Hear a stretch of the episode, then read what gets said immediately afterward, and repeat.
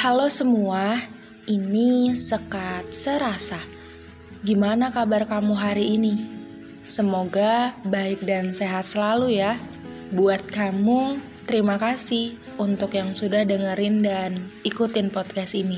Jujur seneng akhirnya bisa punya ruang sederhana untuk cerita hal-hal apa pun itu. Dan juga bisa nyapa kalian semua.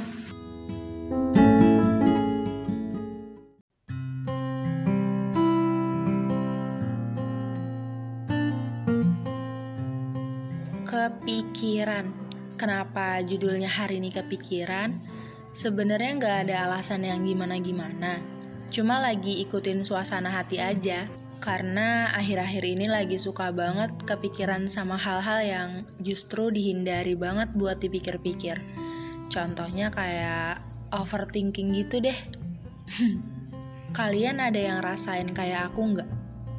Risih kalau isi kepala diisi dengan pikiran-pikiran yang gak diinginkan gitu hadirnya. Apa aku kurang paham aja mungkin ya?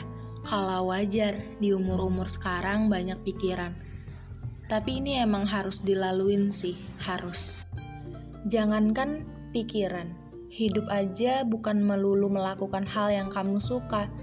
Kadang kamu juga dituntut melakukan hal-hal yang bahkan tidak kamu sukai. Ya ampun, udah kayak filosofis aja aku. Sadar us, kamu juga banyak overthinkingnya. Tapi nggak apa, yang penting aku nggak nyerah. oh iya, mumpung lagi inget nih, aku juga mau bagi cerita. Jadi beberapa hari yang lalu aku nonton video gitu. Aku lupa judulnya apa, tapi aku ingat salah satu pembahasannya jadi pembahasannya tuh berjudul apa ya? Uh, oh ya, Merdeka dari Patah Hati. Yuhu, mantap nggak tuh judulnya? Tapi serius, aku nggak cari video itu karena beneran tiba-tiba aja muncul di timeline. Ya, terus iseng klik aja. Ternyata isinya lucu-lucu, seru juga. Sedikit ngasih aku sejenis apa ya? Tutorial tutorial merdeka dari patah hati. Cilah, dan sedikit membuka pikiran aku. merdeka dari patah hati dan move on itu jauh perbedaannya. Kalau move on itu macam ada sebuah apa ya harapan kamu mau melupakan semuanya. Tapi kalau merdeka, kamu menghadapi semuanya. Gimana? Move on atau merdeka nih. Dan juga aku dapat tiga hal yang perlu dilakukan untuk merdeka. Sebelum itu kita awali dengan Bismillahirrahmanirrahim. Iya benar, yang pertama itu niat.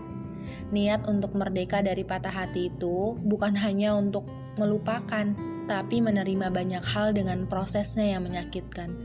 Uh, jika dalam prosesnya nanti kamu banyak patah, ya nggak apa, selesaikan patah hatinya.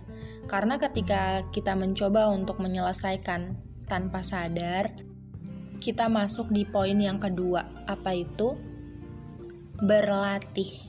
Kayak nggak apa patah hati kali ini, nggak apa jatuh sekarang. Makin seringnya patah, makin sering jatuh, kita jadi makin tahu gimana cara sembuhinnya. Dan karena udah sering berlatih, kayaknya jadi nggak sakit-sakit banget kalau ingat tentang dia lagi. Nah sekarang karena udah cukup prepare nih untuk apa tadi? Niat, niat udah, berlatih juga sampai lecet-lecet udah. Itu semua nggak akan bisa sampai di titik merdeka kalau kita lebih mencintai orang lain daripada diri kita sendiri. Sederhananya, Yuk belajar mulai sekarang, coba dahulukan hati kita sendiri, baru setelahnya hati orang lain.